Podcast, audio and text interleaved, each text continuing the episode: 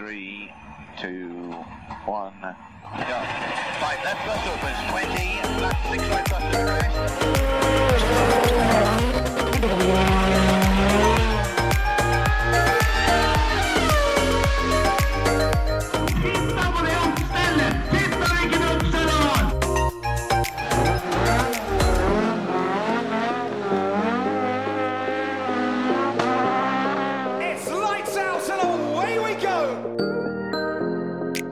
Velkommen til en ny episode av uh, Førermøtet. Og eh, nå er vi akkurat kommet hjem fra Miami, Terje.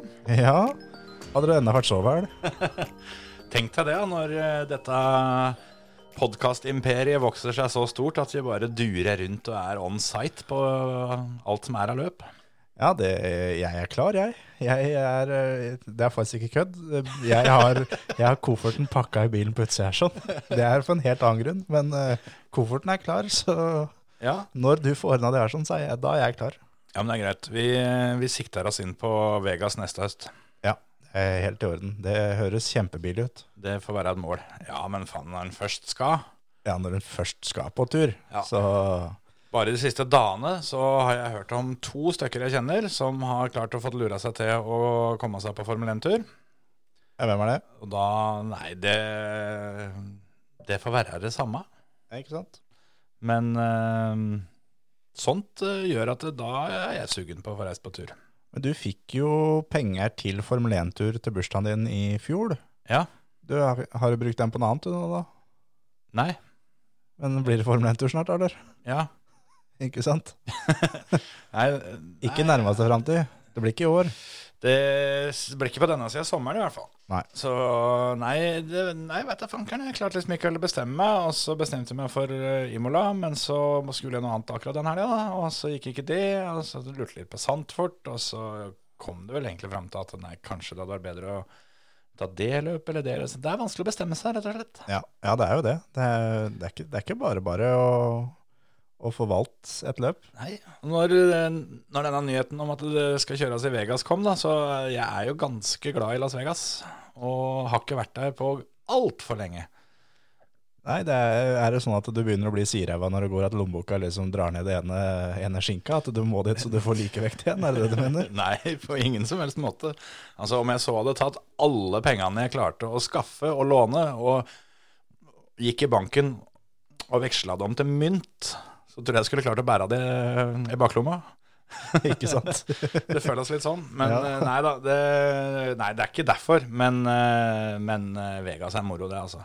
Du bodde i Vegas en stund, eller bodde og bodde, du var der over en lengre periode. Du hadde jo en det var jo før, før bloggen eh, sitt inntog, så du hadde en egen Facebook-gruppe med Kjetil eh, Dos Vegas. Ja, det stemmer. Kjetil Dos Vegas. Den tror jeg fins ennå. Ja, ja. Det er, altså, det er noen reisebrev derfra som er så legendariske som det ene som du da Den taxituren. Ja, når du får krangla på deg, hun taxisjåførdama. Å herregud, hun som skulle fortelle om hvor dårlig tannhelse hun hadde, før hun endte med at hun Jeg vet da fankeren, jeg, den dama på eh, i overkant av 150 kilo, da, for å være litt grei og ikke, ikke dra på. Uh, hun hang ut av passasjerruta og skreik og hyla mens hun viste finger til meg når jeg gikk derfra. Så det var, det var suksess. Ja, ja. Kjeft er gratis der borte, var det ikke det? Ja, eh, det var, altså, det var ikke helt gratis. Jeg, det var jo altså Hun, eh, hun dura rundt en jævla lang omvei, for det første. Så det, den turen ble i utgangspunktet mye dyrere enn den burde blitt. Og da gadd jo ikke jeg tipse så mye som jeg kanskje ellers ville gjort. Så jeg, men jeg ga litt. Ja. Men ifølge hun så var jo det absolutt ikke nok. Nei, ikke sant? Og derav eh, ja, denne seansen, da. Ja, ja. Men kan hende hun syns at du var fin, vet du. At du egentlig ville ta det med hjem til, til, til, sove, til sovesofaen sin. De, de 36 kattene og den, den gamle sovesofaen. Ja, ja, ja. Ja, Det hadde blitt koselig, det. ja, ja, ja. Og kan, kan hende du hadde vært der ennå. Ja, Det kan hende ting hadde sett litt annerledes ut om jeg hadde gått i den fella. Da hadde jeg hatt en haug unger da òg. Ja, hadde hatt uh, mer katter enn jeg har nå, sikkert. Ja, helt sikkert. Nei, Det der, det der var litt av et opplegg. Jeg husker han, eh, han, som, eh, han som jobba som sånn der taxikøsjef, eller hva han skal kalle det, på det stedet som jeg skulle til, da. Han eh, kom bort til meg og ga meg et klapp på skuldra og, og sa det at ikke bry deg om dette her sånn. Det skjer oftere enn du tror. Jeg veit hvem hun der dama der er. Ja, omtrent sånn. Så, nei, det var noen uh, turer der, altså. Jeg, uh, men mm, jeg har ikke nødvendigvis bodd i Vegas, sjøl om jeg vet ikke hva definisjonen for å ha bodd i Vegas er. Men jeg har fått post tilsendt. Jeg har brukt, uh, brukt Vegas som adresse for å få tilsendt post. Ja men, ja, men da mener jeg at da har du bodd der. Jeg tenker litt sånn at ferie er alt fra hva si, sju dager til fire uker. Ja. Når det går over de fire ukene, da er det ikke ferie lenger. Da er det du, du, du kan være på jobbreise, men det er ofte ikke sånn heller. Men når du da Du, du var ikke to-tre måneder, da? Du får ikke lov å være med i tre måneder, for da går visumet ditt ut. Ja, Så du var der tre måneder? Nei, ikke, ikke fullt, men jeg var der rett over to. Ja, men da mener jeg at da har du, da har du faktisk bodd der. Ja, jeg møtte faktisk på en, eh, en svenske som, eh, som, hadde, som hadde vært så lenge at visumet hadde gått ut. Ja. Uh, og, det er jo litt sånn teit, da, for da, da kommer du ikke så lett inn igjen. Nei. Så da skjønte jo han det at hvis han drar hjem nå, da, da blir det jo ikke mer i Vegas. Så han, uh, han bare blei der. Ja, Og det, på det tidspunktet, det var åtte år siden. ikke sant? Så han var eh, såkalt illegal immigrant. Ja, ja, ja. Kan hende han røyk når Trump kom bak, bak bordet. Først må den finne den. Ja, det er sant. Nei da, Vegas er, eh, det er, det er en helt sånn ekstremt sær by. For det, i hvert fall når du er der så lenge, så etter ei lita stund så vil du egentlig bare komme deg til helvete unna. Ja, ja. Men idet du, mm, i det du kommer deg på flyet og du tar av, og så er jo flyplassen såpass nærme sentrum at du har jo utsikt ut til liksom hele Vegas skyline. da. Ja. Og da håper du bare at faen, vi har glemt noe, vi må ned igjen. For da er det bare å få kommet seg rett tilbake på hotellet. Ikke sant? Nei, det er vel en sånn by som, eh, som jeg fikk høre når jeg var i, var i Dubai første gangen, at, eh, at når du slutter å gå og kikke opp, og du begynner å se rett fram sånn som du gjør i Tønsberg, da, Ja, ja, så er det plutselig fryktelig mye mer ålreit da òg. ja. ja, Og Vegas ser jeg for meg er litt sånn sted at det første dagen så går du og har litt sånn vondt i nakken, for du, du går og bare kikker opp. Ja, det blir litt sånn. Det, det gjør jo for, så- vidt det. Og så de første dagene så går og svetter noe jævlig. Fordi du Altså bokstavelig talt går og svetter. Fordi du tror at du kan gå til steder som ikke er så langt unna. Ikke sant? Men uh, om sommeren i hvert fall så kan du ikke det. For er det mer enn 500 meter, så ta drosje. For uh, du kommer til å renne bort. Ikke sant? Og så ser det jo ut som at det ikke er så langt hit, Men det er jo svære hus. Ja, ja, ja. Så det er en liten beta. Ja, ikke sant? Så det verste jeg har gjort, var en gang som jeg tok taxi eh, over gata. Altså fra hotellet på den ene sida til hotellet på den andre. Og han taxisjåføren, når jeg hopper inn, da, så han sier at ja, da skal jeg til Bellagio. Var på, var på Paris med det, det der Pariser eh, Eller Eiffeltårnet. Ja, ja, ja. Det, det har du sett på bilder. Det ligger jo rett overfor da den fontena som er, eh, er Bellagio. Ja. Og han snur seg rundt, og så ser han på meg og så Really? og da sa jeg at ja, eh, jeg betaler for en full tur, så ikke tenk på det, liksom. Ja, Det skulle bare mangle, for du veit at når jeg kommer fram, så må jeg, da må jeg stelle meg bakerst i køa. Sånn. Så jeg gjør ikke det for tre dollar. Nei da, slapp av.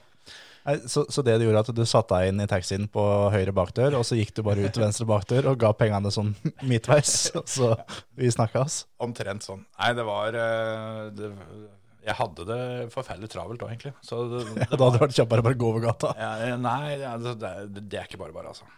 Nei, nei. Jeg har løpt over i 18 med over midtdeler her også, det, alt går. Ja, ja. Nei, men det er fra veien og inn til inngangsdøra. Det er, det er betta bare det, vet du. Ja, ja, ja. Nei, Det er, det er svære forhold i USA. Jeg skjønner jo hvorfor alle i USA er feite, hvis de kjører samme stilen som det du Ja, gjorde der. Jeg kunne gjort det Jeg lurer på om ikke det var samme dagen. Så skulle jeg på turen tilbake igjen. Eh, og da gikk jeg ut uh, ei sånn eh, sidedør da, som, eh, som blir da på gærne sida, sånn at jeg kom ikke ut eh, den døra som pekte mot der jeg, der jeg bodde. Nei. Så sto jeg der og venta, og så var det jo ganske seint på natta eller tidlig på morgenen, litt alt ettersom. Mm. Og så står det en sånn sjåførdude der og liksom lurer på hvor skal du hen. Så, nei, jeg skal ikke så lang, vet han. Og sånn. Så, ja, nei, men jeg kunne kjøre med han, for han, han hadde ikke noe tur nå. Så ja, ja nei, han kjørte limo, da. Fy faen. Og da var det sånn, ja, men altså det, Jeg hadde ikke tenkt å betale deg eh, limopris. Det, er ikke, det har ikke gått så bra i kveld at, eh, at det var på menyen. For da hadde jo ikke jeg stått her ute i bakgården og håpa på en, eh, en taxisjåfør, eller eventuelt et ran, sånn at det hadde liksom avslutta lidelsene før den taxien kom. Ja.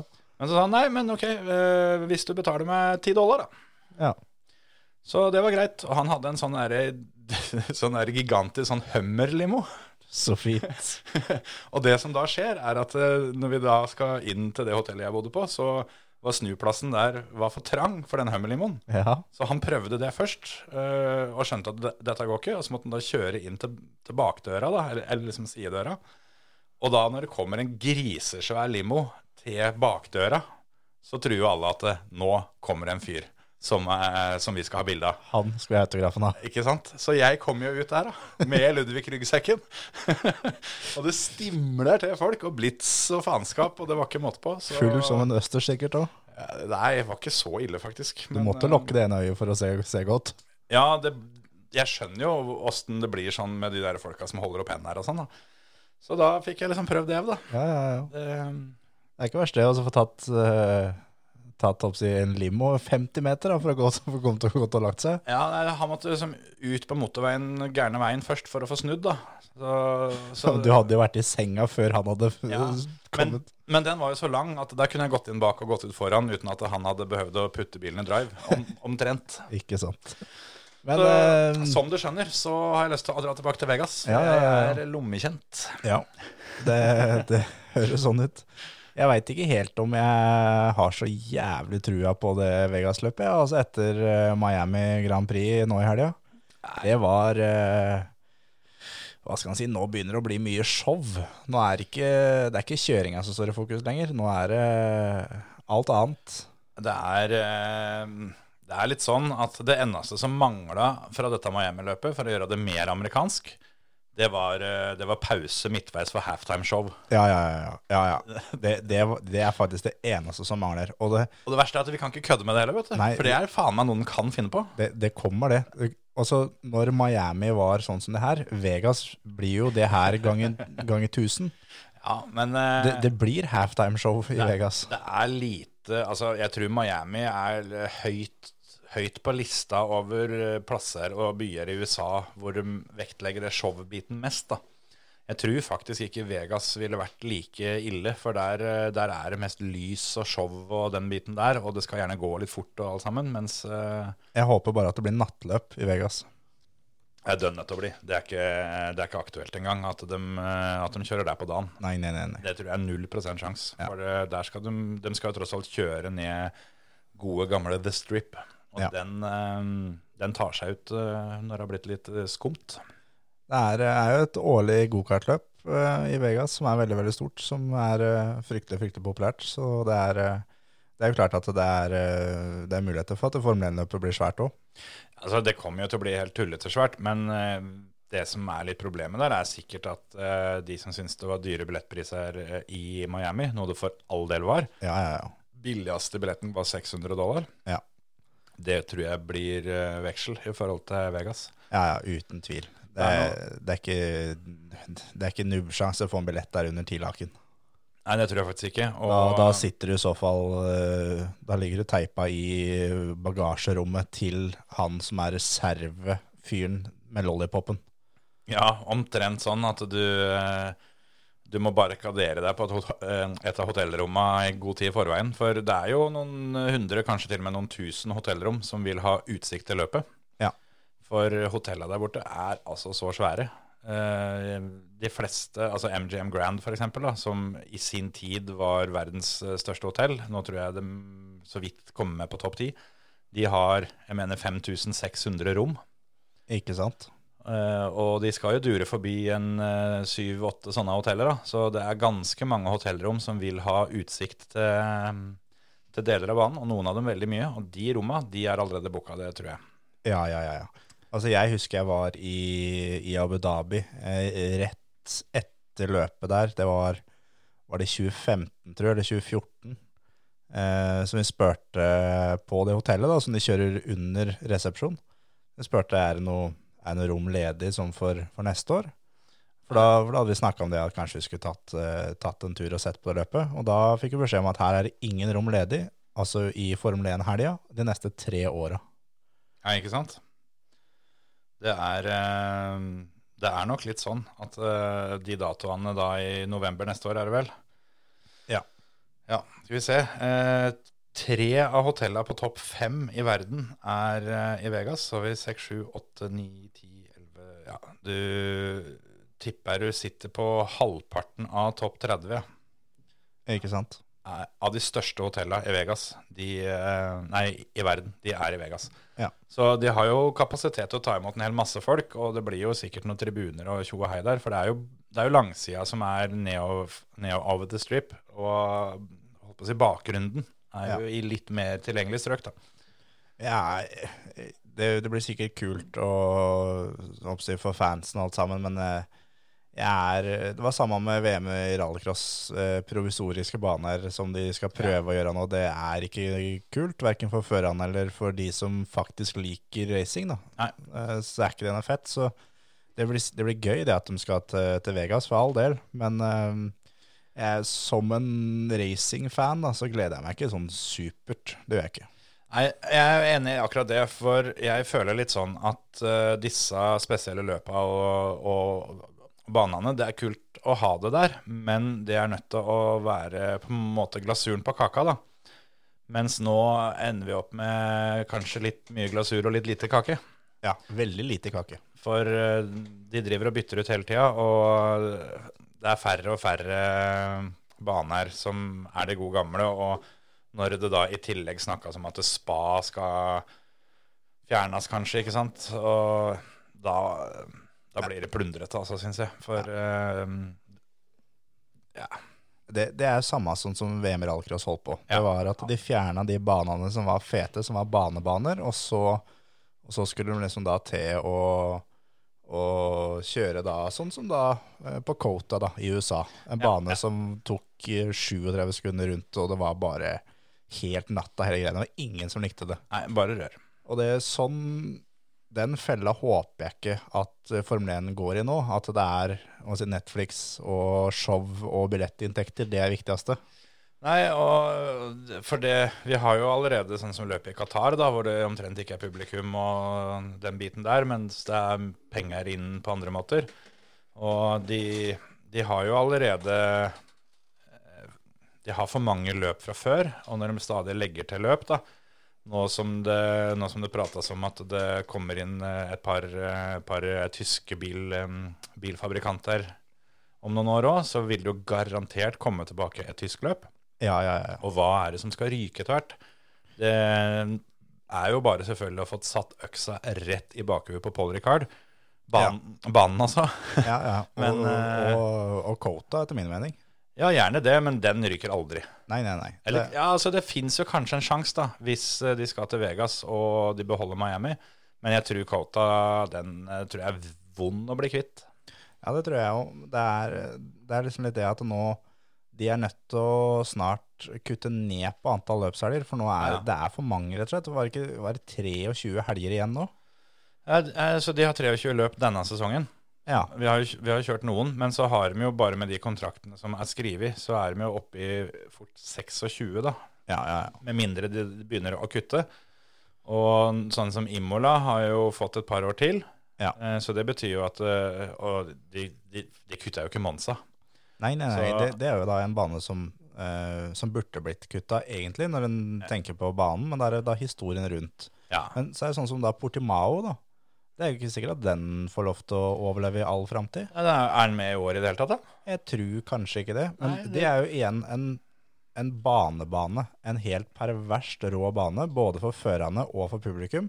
Som da Jeg mener at den viser mye, i, mye større grad hvordan en Formel 1-bil fungerer, kontra da Miami som kjørte nå, da, med si, opp og ned, og det er liksom bakketopper, det er bremsing i nedoverbakke, oppoverbakke. Det er, det er høydeforskjeller, og det viser liksom litt mer eh, hva en sånn bil gjør. Det er faktisk råere for alle parter. Ja, det er ikke noe tvil engang. Eh, Portimao er ikke med i år. Ikke sant? Eh, Det er jo ikke Tyrkia heller, som eh, også er en sånn førstereserve for mye rart. Men eh, det, altså, de må gjerne ha noen, noen sånne løp, sånn som jeg Jeg syns jo Monaco f.eks. Eh, må, må få bli Ja, helt enig. pga. pakka rundt, men du behøver ikke ha et Monaco i måneden, da, som er det de eh, er litt sånn farlig på vei mot. Ja.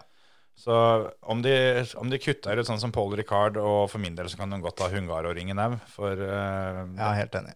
det kan selvfølgelig hende at Hungaroring blir en litt annen historie med årets biler, men eventuelt da så må du begynne med et sånt rulleringssystem. Ja.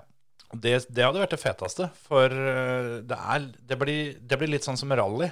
At eh, når du kommer til et løp og, og har notene fra de siste fem åra, fordi det er helt like etapper, Ja.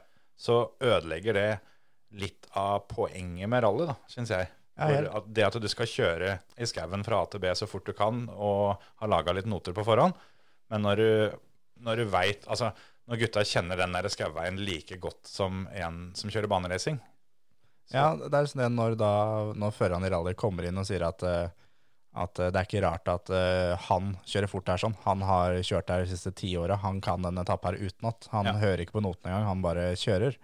Da, da blir det gærent. Og litt sånn vil det jo alltid bli i Formel 1 nå, for det er ikke så mange baner rundt som er, eh, som er godkjent og bra nok til en Formel 1-bil. Det er det ikke. Eh, og så er det altså pakka rundt, og da de skal jo ha plass til Mm. en eh, million mennesker som som igjen er at det, Formel 1 kommer aldri til Norge, uansett hvor mye dere som bygger baner har lyst til at Formel 1 skal komme til Norge. Så kommer ikke Formel 1-løp til Norge. Det kan komme en Formel 1-bil, men ikke Formel 1-løp. Nei, det, det, det skjer jo ikke. Og det blir jo samme sånn som, sånn som Kymi ringer i Finland og sånn. De står ikke de står ikke på det første arket av reserveløp engang, antageligvis. Nei, nei, nei. Men um, det hadde vært litt artig med litt sånn rullering. For det, for det første så hadde du, hadde du da fått inn flere baner. Og det kunne blitt litt sånn Litt sånn som Tour de France, da.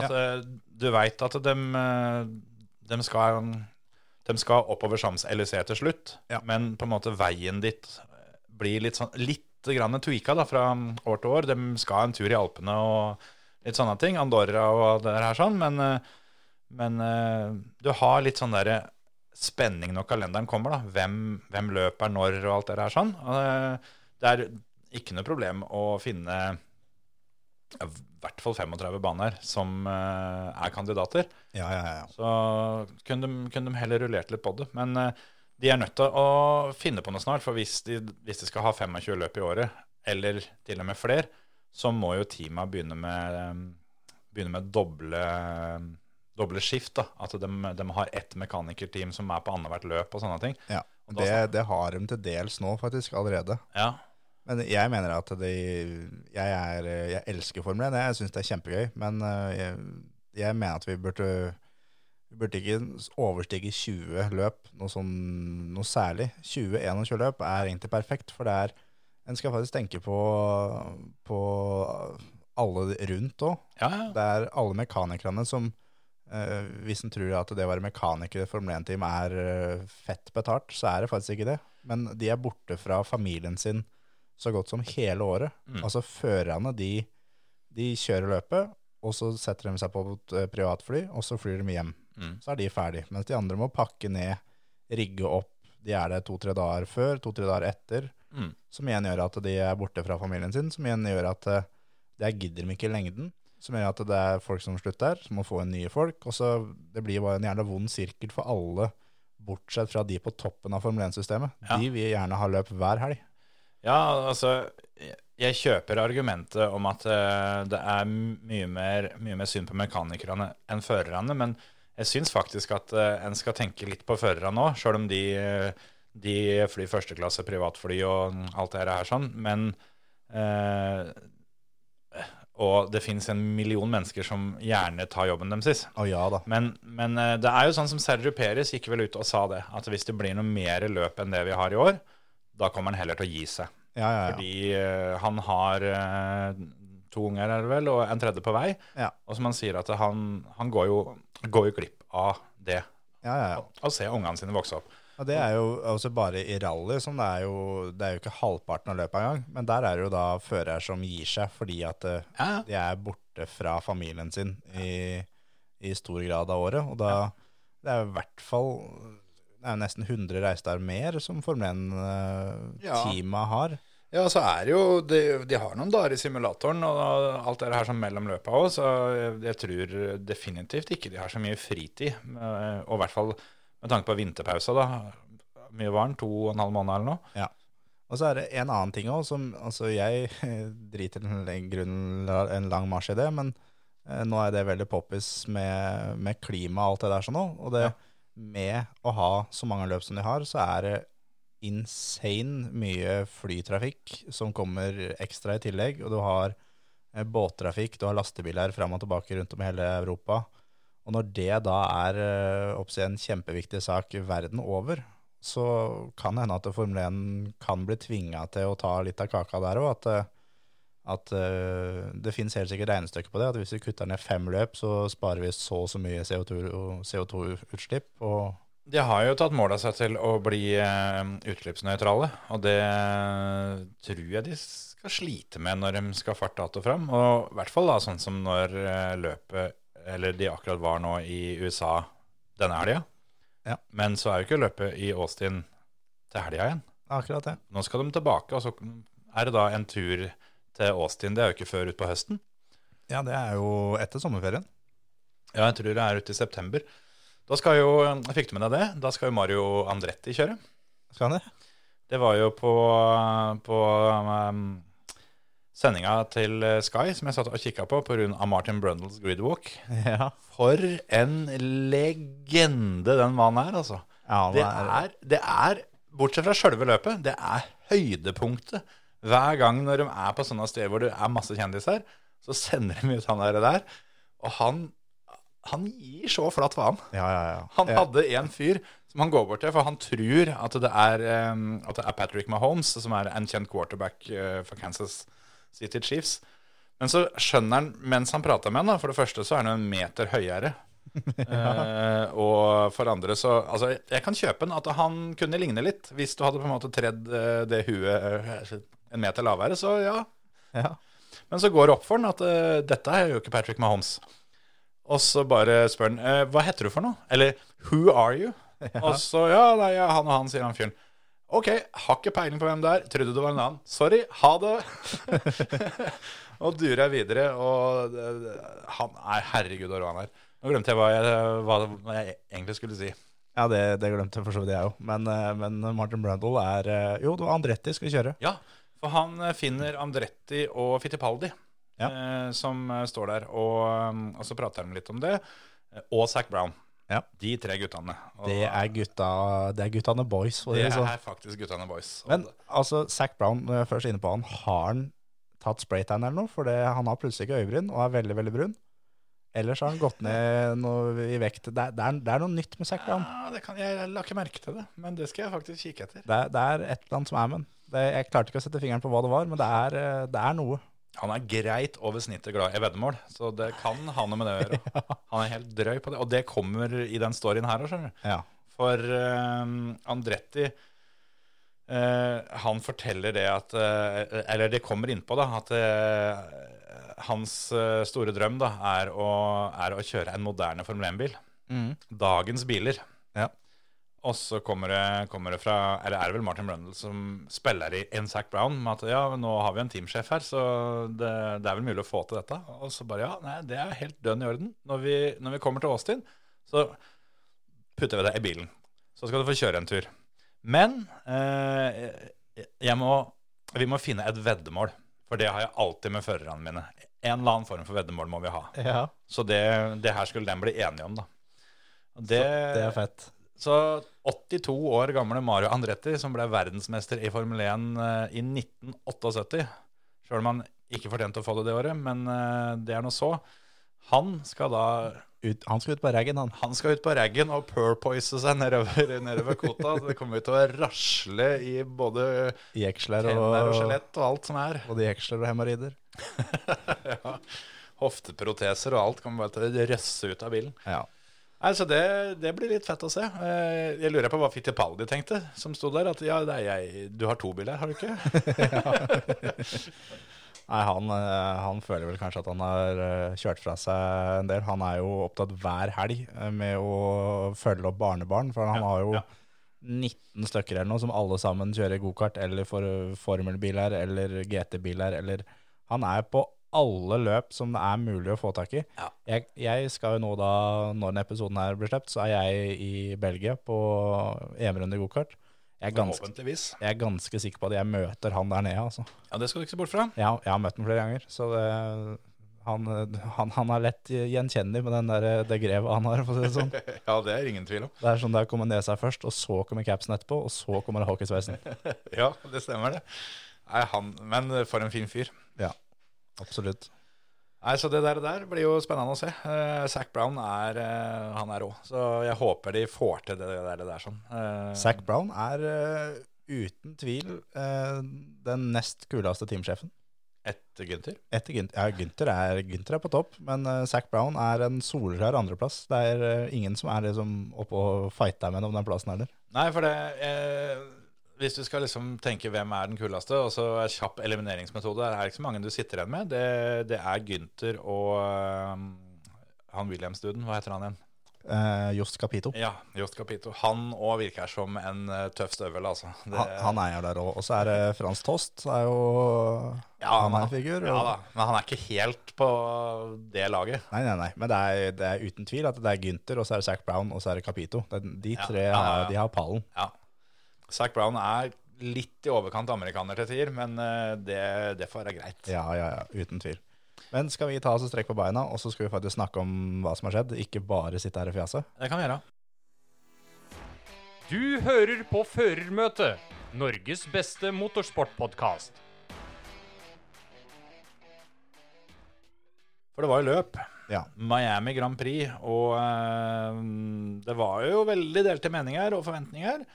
Fryktelig mange som var sikre på at dette her kom til å bli et katastrofeløp av dimensjoner. Ja, Eh, vi snakka om i forrige uke at vi hadde litt trua. jeg hadde faktisk det, altså. Hva syns du? Jeg syns det var eh, et ubeskrivelig kjedelig løp fram til safety car. Ja, Og så, og så våkna, våkna det til. Men eh, det var Jeg trodde jo at det her blir At eh, hvis vi klarer å telle alle safety car-periodene på ei hånd, så er vi heldige etter trening her og sånn. Mm. For det fløy jo biler i veggen, hæren fløt meg hele tida.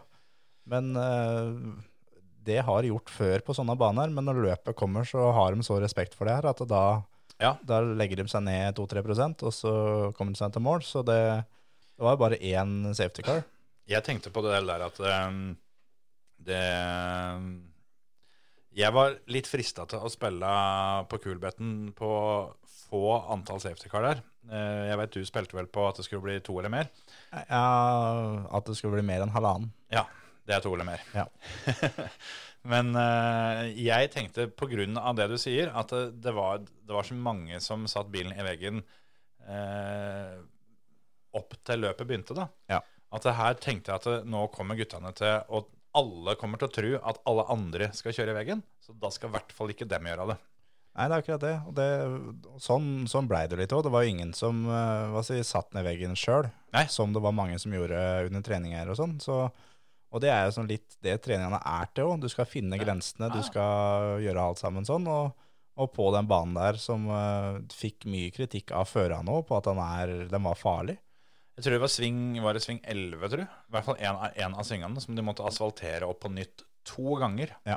i løpet av helga. Ja, og det var da en bane som de hadde skrytt av på forhånd, at det her er alt laserskanna, alt er, det er, det er ikke en humpel på den banen her sånn. Nei. Det, det gikk over det da, for det sånn. Ja, for det, jeg veit ikke hva slags asfalt de brukte, men jeg tror ikke du hadde fått godkjent den til å putte den på veien her hjemme, for det, den, eh, den smuldra opp tvert. Gjorde det.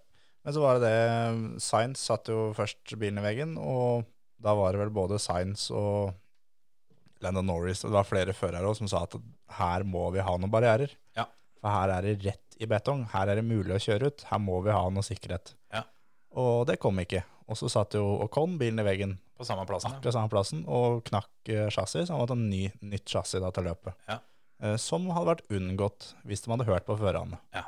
Og det er litt sånn, det mener jeg at det må du faktisk gjøre. Altså det er, det er en sånn gyllen regel i, i motorsport, og du skal alltid høre på føreren. Det er føreren som veit hva som skjer, og det er føreren som kan det bedre enn en som sitter på et kontor. Da. Jeg eh, fikk med meg at Lando spesielt var eh, ganske eh, hyppig ute eh, angående det der sånn, i etterkant og underveis òg. Og det, det skjønner jeg godt. Han stilte for øvrig med sesongens feteste hjelm så Ja. langt. Han pleier å ha de feteste hjelmene, og det, Ja. det, det har han eh, nå òg. Nå hadde han da hjelmen lakkert som en basketball. Yep. Så enkelt. Ikke noe mer surr. Det var en basketball, og ferdig med det. Jeg er ikke helt sikker, eh, men det kan nok hende at hvis vi hadde spurt eh, Stian Paulsen om det, så hadde vi fått svar. Men jeg tipper den var litt vrien å lakke.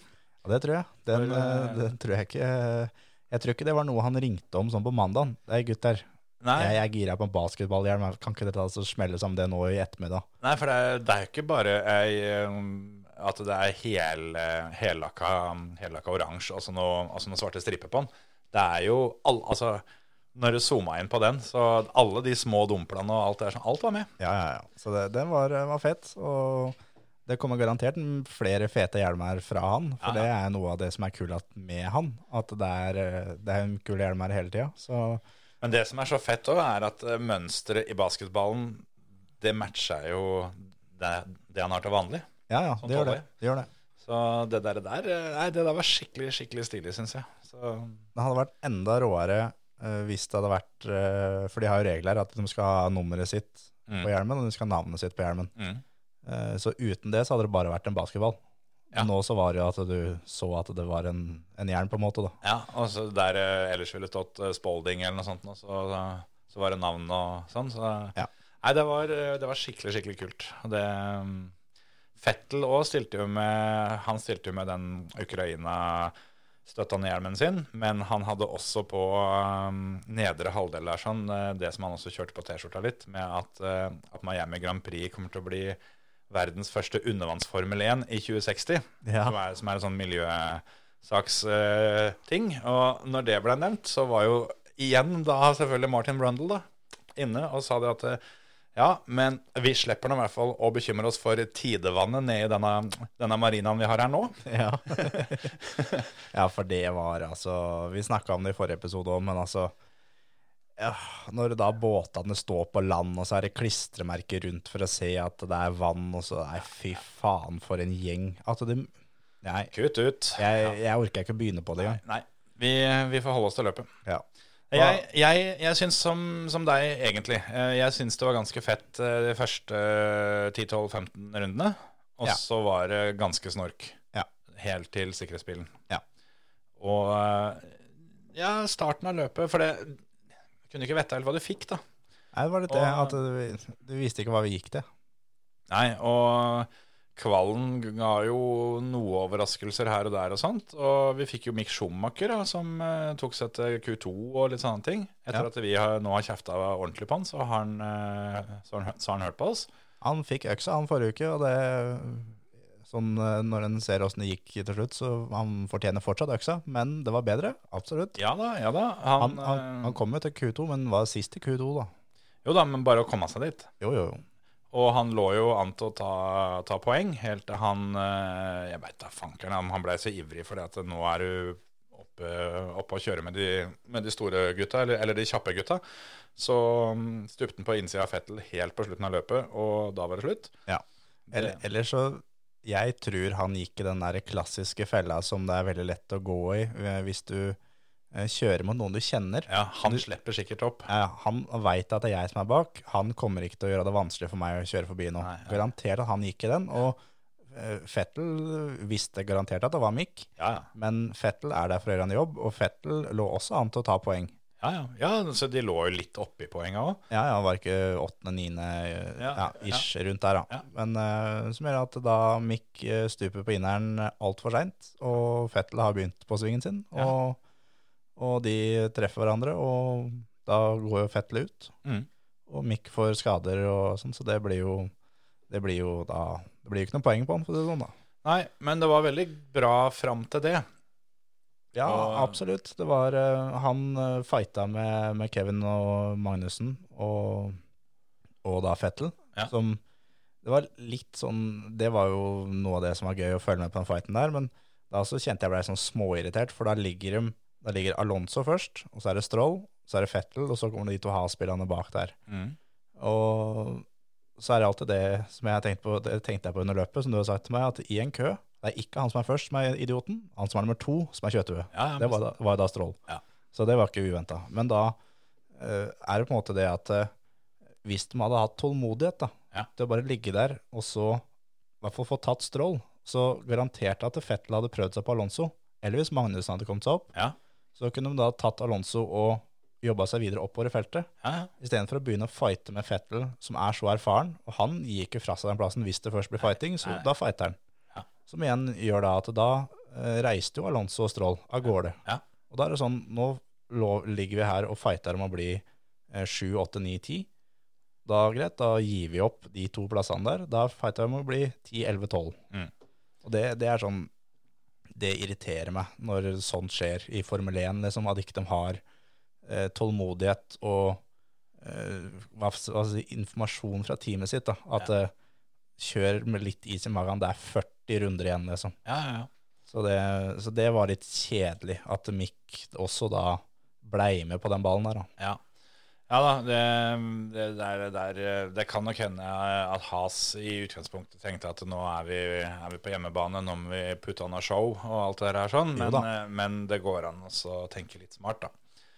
Men, eh, Men, men så er det også en Jeg skjønner det at de sitter der, de føler meg mer i tempo, vi må Mm. prøve å komme oss forbi. Men da igjen, da, da må du kjøre forbi på en sånn måte at du, han du kjører forbi, han taper på det. Mm. Som gjør at du kan reise ifra. Ja. Du kan ikke begynne med sånn halvveis forbikjøringer sånn som den gjorde.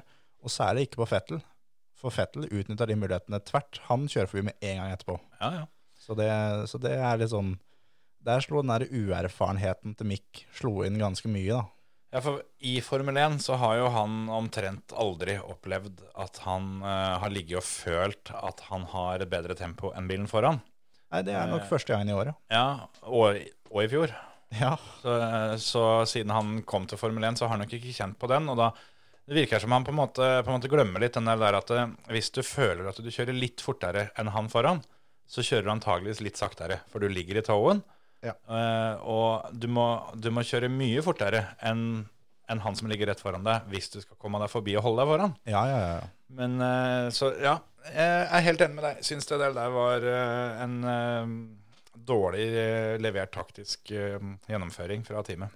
Men det var, absolutt, det var absolutt bra å se at han eh, hadde mer tempo det her, og kunne være med litt mer. Absolutt. Men Det er jo ikke så rart, da, for han er jo en, eh, en velkjent norgesvenn, så det sier seg sjøl at han hører på podkasten. ja, ja, ja. Det må vi bare regne med. Ja, ja, ja. Så, så det er godt å høre at han tar til seg det, det vi har å lære han, ja, ja, ja. sånn at uh, han kan bli en bedre utgave av seg sjøl. ja det er akkurat det. Men uh, totalt sett så terningkast to, Ja, rett og slett. det, det, det må bli sånn. Ja. Hva syns du om eh, det som overraska meg mest, eh, var i grunnen Mercedes? Hva syns du om, eh, om dem? For de er jo, det er jo et samtaleemne Mercedes i år. Ja, det, det er ikke til å komme utenom. Nei, nei, nei. Nei, jeg, jeg syns eh, de gjør det bra. Eh, Jeg syns eh, George Russell Jeg trodde han fikk ordentlig taktisk kjepp i starten. At de grisebomma med å, å begynne på harde hjul. Ja. Og det var jo en grisebom i starten, Ja. men det, de hadde jo regna seg fram til dette antageligvis. For han rasa jo nedover. Ja, ja, ja. Alle de andre som starta på medium, de skvatt jo forbi kjempelett. Ja. Men uh, han uh, ba jo sjøl om, når det kom til pitstop-tid, så fikk han jo beskjed om at nå er det på tide å få på noen nye hjul. Ja. Og da sa han at uh, kan vi ikke heller bare bli liggende her ute litt til? For det kan skje ting. Ja. Og da var det jo litt fare for regnvær, det kunne komme sikkerhetsbil, som han sa, alt her sånn. Og så skjer det. Ja. Og da bare ding, perfect. ja, ja, ja. Og For, det for, for uten det så hadde han fighta om å bli topp ti. Ja, jeg tror vel at uh, det kunne blitt en åttende-niende der, liksom. Rundt Ja. der. Og uh, jeg syns han ender opp med nesten det aller beste han kunne. Jeg, jeg tror faktisk, det er ikke helt sikkert, men jeg tror det finnes en sjanse for at hvis Hamilton hadde sluppet den forbi med en gang etter um, sikkerhetsbilen, når Hamilton kjørte på gamle harde hjul, så fins det en sjanse for at han hadde da klart å henge på de foran og kunne um, kommet seg på et, et hakk eller to enda høyere opp. Men det er langt ifra sikkert, for det, det var klasseforskjell på Ferrari og Red Bull ned til de andre. Ja. Og jeg leste en artikkel i stad, faktisk, eh, om, om Mercedes og de greiene der sånn, fordi eh, Russell blir sluppet forbi av Hamilton. Mm. Eh, det likte ikke Fia, så de Mercedes fikk beskjed om at eh, Louis skal forbi Russell igjen. Ja, fordi han kjørte um, var, Jeg husker ikke om det, det var dem to, det. Hvor Ja. han kjørte forbi litt utafor banen. Ja. Ja. Og da hadde jo Russell allerede fått luke, så han måtte jo da oppsi, slippe Louis forbi, Ja. og så måtte han da rett forbi. Så Men det var jo jævla klønete at de, at de i det hele tatt venta så lenge, og at uh, han måtte fighte så hardt for å komme forbi. Ja. Uh, jeg, jeg har full forståelse for at det er fryktelig sårt for Hamilton eh, å være den som ender med å slippe forbi. Mm. Men til og med Hamilton skjønner det at på gamle harde hjul så kommer han andre til å kjøre fortere. Hamilton har 0% sjanse til å avansere i feltet med mindre det smeller foran, Ja. mens han andre har det. ja, Og Hamilton vet at han kan lett forsvare seg mot de bak igjen. ja, ja. ja. Så, ja, så, så akkurat det syns jeg også var litt sånn eh, uheldig taktisk. Det er langt ifra sikkert at Russell ville klart å komme seg forbi, men foran seg så hadde han jo Perez som eh, hadde eh, Hadde noen sensorfeil. Ja, jeg bare prøvde å huske det, men det var 20 kWt eller et eller annet sånt der Nei, ikke kWt, det er strøm. Det var, eh, han mangla 26 hestekrefter. Ja, det var det de, det de regnet seg fram til. 26,8 hestekrefter var, eh, var det som var borte. Så, så han, som da også var på ferske mediumdekk eh, For Russell var på medium, eller gikk han på soft? Eh, Russell gikk vel til medium, ja. Ja. Så dem hadde like dekk, men Red Bull mangla power. Og foran der så hadde du to Ferrarier som var på halehjul igjen. Så det kan være at Russell, hvis han hadde klart å smette forbi Perez eh, tidlig, så tror jeg han hadde hatt sjanse til å ta, ta Sainz òg. Ja, kanskje. Det er, det, er, det er vanskelig å si hvor bra den Mercedesen er, men, for den, den blei vesentlig bedre til Mm. å løpe her nå. Nå har de blitt kvitt uh, det meste av purposinga som, som de har. Nå er det mer på vanlig nivå, da. Ja. Og da er det jo sånn Da skjedde jo det som jeg trodde ikke skulle skje før etter sommerferien, at Mercedes vant en trening. Russell var jo raskest på andre trening Ja. og dreit seg litt ut på, på, på kvalen. Men, eh, men fortsatt, de lærer jo litt, eh, litt om bilen. Og, og de to bilene nå, altså Russell og Lewis sin, er fortsatt helt forskjellige. Mm. De veit fortsatt ikke hvilken vei de skal gå, men de, har, de jobber seg inn mot en ting. da. Så Ja. det var snakk om at den bilen til Russell var eh, Den var en god del lettere enn Louis sin. Ja. Og det også har jo selvfølgelig en innvirkning. Og Apropos vekt, kan jeg bare skyte inn en ting der? Ja. For jeg lærte noe, lærte noe nytt her for det er vel blitt et par uker siden. at baderomsvekta skal stå på teppet, ikke rett på, på, flisene. Det blir lettere på teppet, skjønner du. Ja, men det er så sykt trist hvis du går på ei annen vekt som står rett på gulvet. Ja, ja. Det er tresifre uansett. Det er det. Eh, nei, det var eh, det jeg eh, Jeg syns det var så rart, da. Så det var ikke så overraskende at det var sånn som dette her. Men jeg tenkte jo det når alle teama sleit med vekt. Så tenkte jeg at det må jo være fordel for sånne som Yuki Sonoda, som, som veier en halv kilo, liksom. Men det, det er det jo ikke. Nei. Det er ikke i det hele tatt, for det er, er minimumsvekt eh, fører og sete til sammen skal veie minimum 80 kilo. Jepp. Og det er jo ingen av de førerne som er i nærheten av 80 kilo. Nei, nei, nei. Så, så akkurat det har ikke noe å si. Det er ikke, det er ikke sånn at det er eh, litt sånn dumt å hyre George Russell fordi han er en stor mann. nei. Han er nok eh, tett opp mot 80. Ja, 70, det, ja. Men, ja, men samme faen det. Eh, alle, alle ender likt der, da. Han, Ja, ja. Har, han har kanskje noe, fordre, eller noe bakdel fordi han er så høy, at han får vekta høyere opp. Ja. Men, eh, men, men det visste jeg faktisk ikke, sjøl om jeg ble ikke overraska når jeg fikk høre det. Nei, nei. Det er, eh, sånn er det. Men vi må jo, vi må jo, vi var så kjapt inn på det, men eh, Peres, han sitter i det som i helga var den beste bilen. Mm. Greit, han har en sensorfeil som gjør han tapt litt, men fram til det, han var fortsatt nummer fire, fram til det òg. Og Ja, han eh, lå jo helt i girkassa på, på, på Science og skulle vel til å sette inn støtet når han, eh, når han, han fikk den feilen. Jeg tror han hadde kommet forbi, men det, ja, ja, det tror jeg òg. Men, men da er det fortsatt da 15 sekunder opp til de to i front. ja, ja. Så han er, eh, han er fortsatt uh, gjennomsyra ræva. Men uh, det jeg skulle inn på, var uh, mot slutten av løpet, som han da sitter da på nye medium. Ja. Uh, Science har gamle halehjul, Mm. Og han fortsatt ikke klarer det, og prøver seg på et forbikjøringsforsøk som er det, Ja, det, det, det var Det var ræva, det. det er sånn som jeg ser i treningskadetti i gokart, de som er sånn fem, seks, sju år gamle. De har mye av samme greiene, at det, han der, han skal jeg forbi. Rein desperasjon. Ja, ja. Og har helt sikkert bestemt seg for at i den svingen neste runde, så skal jeg forbi uansett. Og bommer da når han skal ut på den sletta, som gjør at han kommer for langt bak, og så bare dæljer han det på innsida. Og hadde det ikke vært for at Science uh, fulgte med, så hadde det der blitt en stjernesmell. Da Ja, ja. Begge to hadde gått ut av løpet glatt. Og da hadde det Russell endt på pallen. Men, uh, men det er sånn Peres han, han skal ikke gjøre sånn. Han er hyra inn fordi han er erfaren. Ja. Og en erfaren fører Altså- driver ikke med å luske rundt på fjerdeplass, altså. Og det er jo litt det som er uh, i starten av løpet òg, når, eh, når Verstappen eh, smetter forbi Leclerc. Så han venter ei stund. Han, han lar Leclerc eh, svi av litt for mye dekk og litt sånne ting. Mens Perez, der virker det som det at eh, det han er bedre enn de aller fleste på, det er jo å spare dekk. Ja. Kjører sånn tålelig fort Ja. mens han sparer dekk. Der, akkurat der er han jævlig god. Men det virker som han er helt avhengig av det. At han, det er først på slutten av dekket til han andre. Da kommer han, kommer han og prøver. Det er liksom det er hans ene move. Ja, det liksom ligge der og dunke og vente i et par og tjue runder, og så håper vi at vi har et par runder igjen før han andre skal pite, så vi kommer oss så vidt forbi. Men eh, nei, så det, var vel i Q3, og hvis jeg ikke husker helt feil, så han er vel halvsekundet bak maks. Ja, det var noe sånn. Så nei, Peres eh, har steppa opp, men det er mange Har han egentlig det? Ja, jeg syns faktisk det. Men, men det er mange trinn på den stigen, da.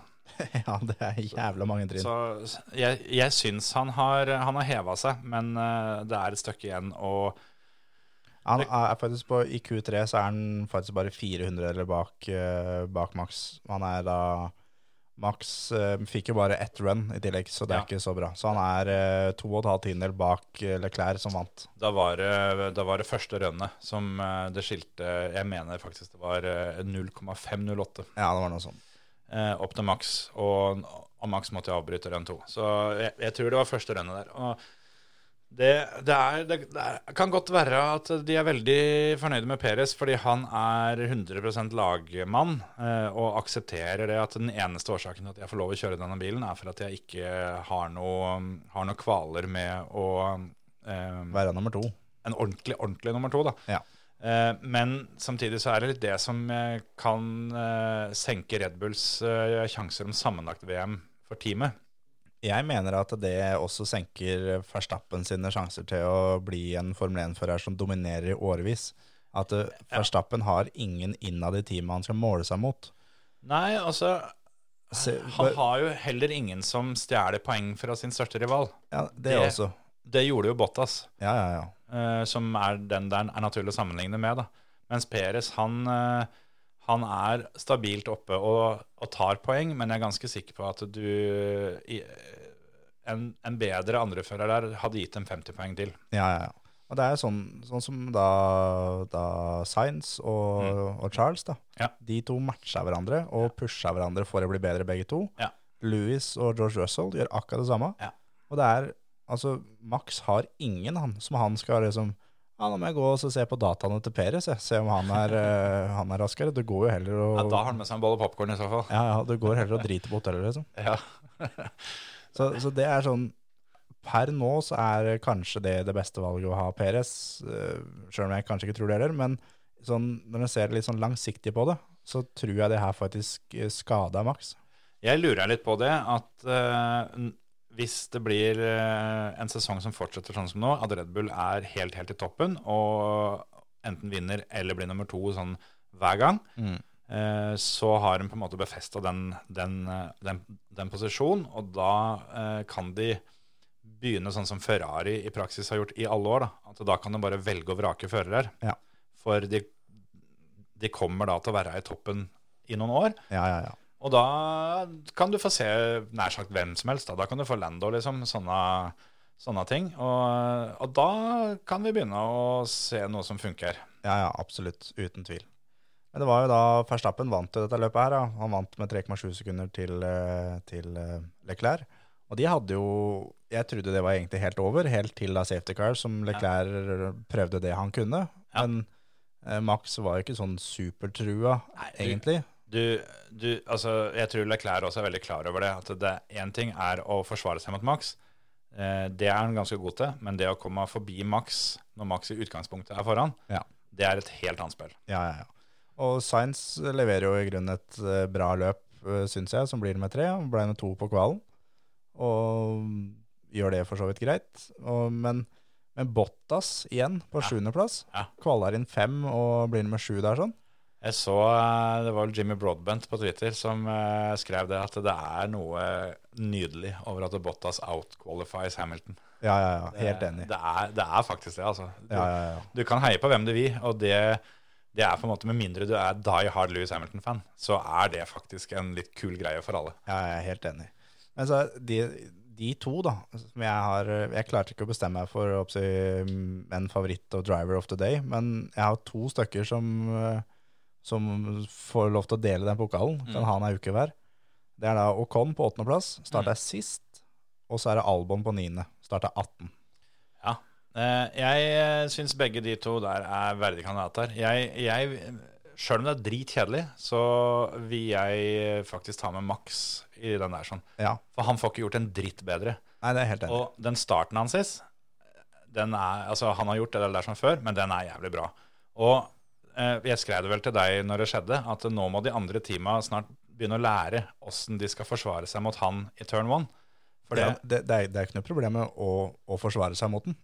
Det, han, han gjør det mest åpenbare som alle racingførere gjør, og han gjør det samme hver gang. Ja, bare at han, han, han drar den ofte litt lenger, da, tør litt grann mer. Jo, jo. Men, men det er jo liksom alltid det at eh, Det samme var det med Hamilton Abotas i fjor da. At eh, han som er først, han skal kjøre idealsporet, og han andre han skal forsvare bil nummer én. Mm. Mens det de, det de skal forsvare, er jo, er jo sporet på utsida der som Max kommer. Ja, ja, ja. Som igjen betyr at bil nummer én må gå litt lenger ut enn det han hadde tenkt. Og så må bil nummer to han, han skal forsvare inneren. ja, ja, ja. Sånn at eh, ok, bil nummer én får ikke den optimale linja, men derfor har du bil nummer to til å sørge for at ingen kan utnytte det. For da kommer ikke Max rundt. Det er akkurat det.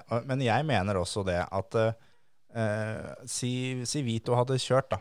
Ja. Vi var teamkompiser. Eh, du hadde leda VM. Skulle tatt seg ut. Ja, det skulle tatt seg at du hadde leda VM. Men, eh, og jeg hadde da si vært nummer tre-fire, da. Sånn som Science og, og Charles. Ja. Og du starta først, mm. og jeg starta to. Sånn Ja. som Science. Ja. Hovedkonkurrenten starta bak. Mm. Og jeg, jeg hadde vært side om side med hovedkonkurrenten i første svingen. Ja, du Dæven steike, han skulle fått jobba for å ha et hel bil rundt, hvis han først da velger å gå rundt. Hadde Ja. Hadde vært på inneren, hadde vært noe helt annet, men når han da velger å gå rundt, Ja, da er Da det tomt for vei, da. ja, da er det faktisk tomt for asfalt. Altså, da er det hjul mot hjul. Og Ja. hvis, hvis han da går i veggen, så tar han i hvert fall med seg da hovedkonkurrenten, som gjør en at det hjelper teamet ditt. Ja, ja, ja. Og det, ja, for at eh, om uh, Science og Verstappen blir stående i turn 1 begge to, så er eh, jeg, tror, jeg tror faktisk Binotto er eh, happy med det. Ja, ja. Selv om jeg, jeg ønsker jo ikke at det skal bli sånn, at, Nei, nei, eh, at men- teamkompiser skal kjøre til andre, men jeg mener at det, det må være litt mer sånn team spirit. Det kan ikke bare være Ok, Ja. vi to har samme bilen, men jeg kjører mitt løp, du kjører ditt løp. Ja. Det, det må være en viss form for samarbeid, da. Ja, altså er det nå engang sånn at eh, jeg syns Leclerc eh, viser i hvert fall tendensene til at han, eh, han kommer til å få det nå som han får kjøre i toppen en liten stund. Men det som Hamilton og det som Verstappen har, den derre hensynsløsheta, da, at eh, nå skal jeg forbi, Ja. og dette her, inn skal han, om vi så skal grine begge to. Ja, ja, ja. Den der innstillinga der, at det, det er ikke snakk om at ja, ja, jeg prøvde, men det gikk ikke. Ja, ja. Det- Sorry, altså. Han, han, han kom seg rundt på hytta, han Ja, der. ja, ja, ja, ja sånn er det liksom.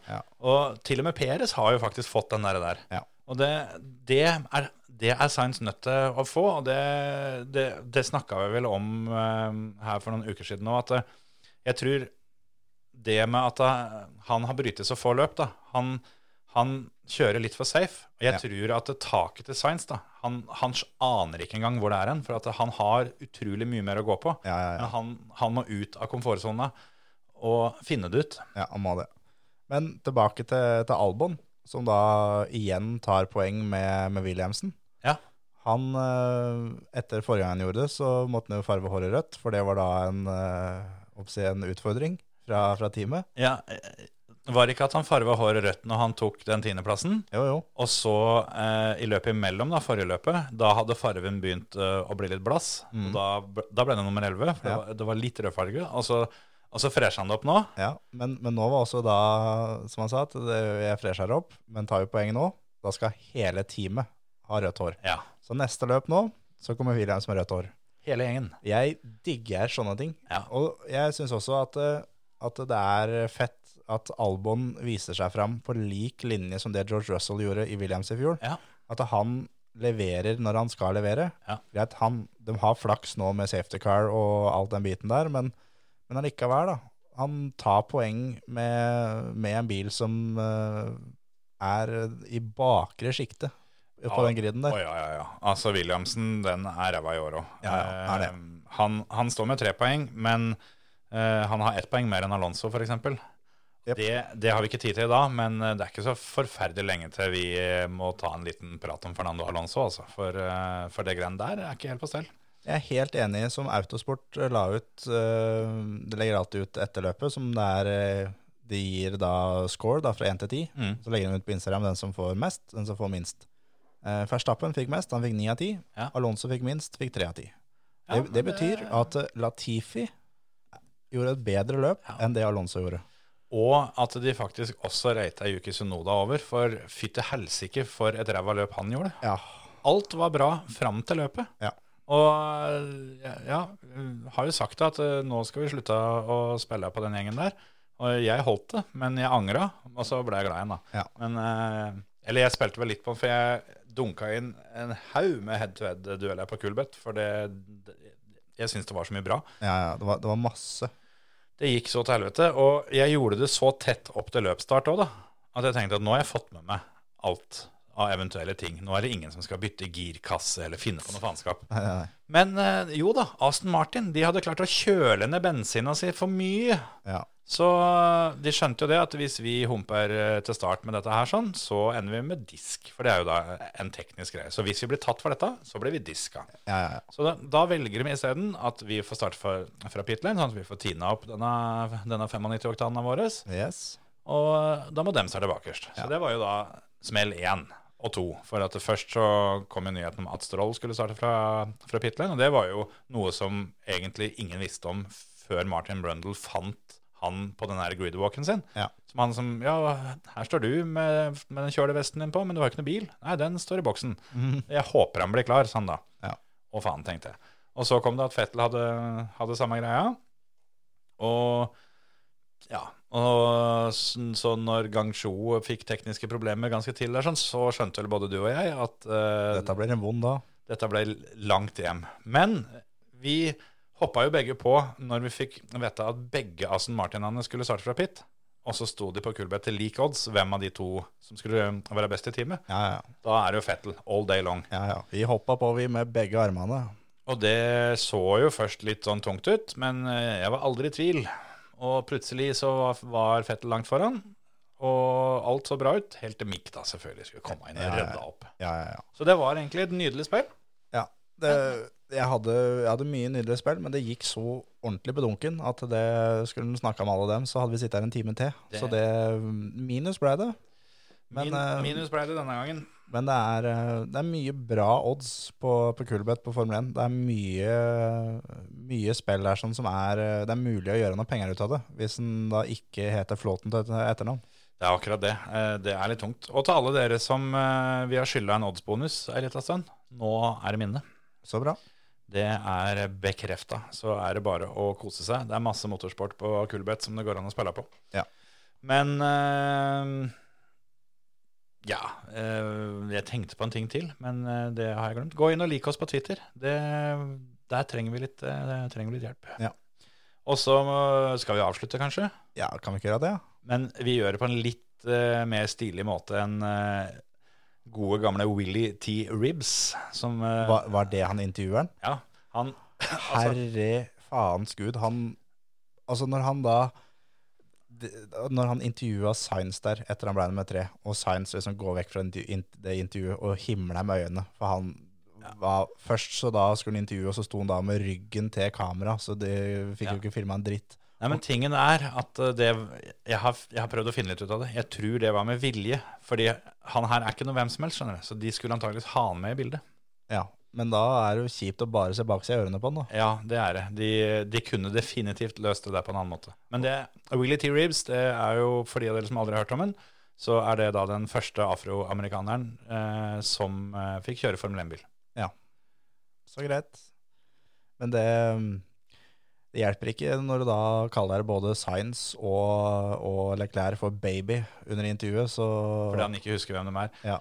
Jeg så ikke det første intervjuet, eh, for da måtte jeg ja, rett og slett pisse litt. Og jeg kikka på Twitter, og jeg vet ikke om han faktisk stilte det spørsmålet, men han hadde da visstnok sagt at eh, jeg veit ikke hvem du er, men hvordan var det å, å kjøre på denne banen i den bilen du kjørte? Han gjorde det, skjønner du. Ja, ikke sant. Så eh, Det er det jeg mener. Det, det, det, blei, ble for mye show. Ble... Også da når det under, under premieteringen der, som de skulle da dra noen konfettikanoner, altså det var da opptil dobbeltsidig teip som de fikk dratt av gårde, som da surra seg rundt med noen bein og albuer og tjorv og alt som var. ja, det var jo som jeg sa, er, eh, har de hyra en Spiderman til å skyte konfettien? Det, det så sånn ut. Nei, så det var nei, håpløse greier, syns jeg. Jeg gir eh, løpet terningkast tre. Ja, det er jeg med på.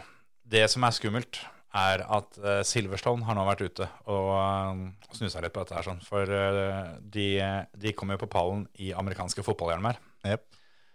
Og da, så tenkte jeg først at ja, men faen ta, liksom. Men så, de har jo alltid bare den der capsen, så det er, det er ikke så store, store forskjellen på akkurat den biten. Men Silverstone var da ute at eh, ja, hvilket hodeplagg er det som representerer oss? Og de er fra England, og der er det faen meg mye rart de putter på pæra, altså. Det er helt riktig. Så, så om, om Miami nå har satt i gang en trend, så er, dette her det farligste Formel 1-løpet jeg har vært borti. Men uh, Russland hadde det for noen år siden, som de hadde de der eh, de, um... Sånne babusjkaer, sånne, sånne dokke, dokke, dokke. Nei, nei, nei, men som de hadde lagd sånne derre Jeg veit ikke om det ordet for den lua er lov å si. Du hadde tenkt å si bjørnefitte, du? ja, Men det var da det, med svart med Pirelli-logo. Det Ja. var jo da de hadde på seg Ja, sånn sofalue, ikke sant? Ja, ja, hadde på seg da på vei inn på pallen i Russland.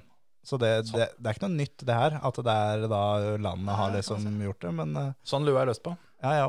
Det og Volvo PV. ja. Med laks, laksetrapp. Revehale. Ja, nei. Nei. Nei. Litt Opp. sliten subwoofer. Nei. Nei. nei. Nei, Ikke, ikke PV. Apropos PV, eh, påmeldinga til Talentrace er åpna. Det, jeg ville bare si det. Skal vi um, si at dette er lett, og så stikker jeg til Belgia? Du får ha god tur til Belgia, så håper jeg du kommer deg hjem igjen, sånn at vi kan lage en ny episode neste uke. Ja, sats på det. Ha det! Hei, hei.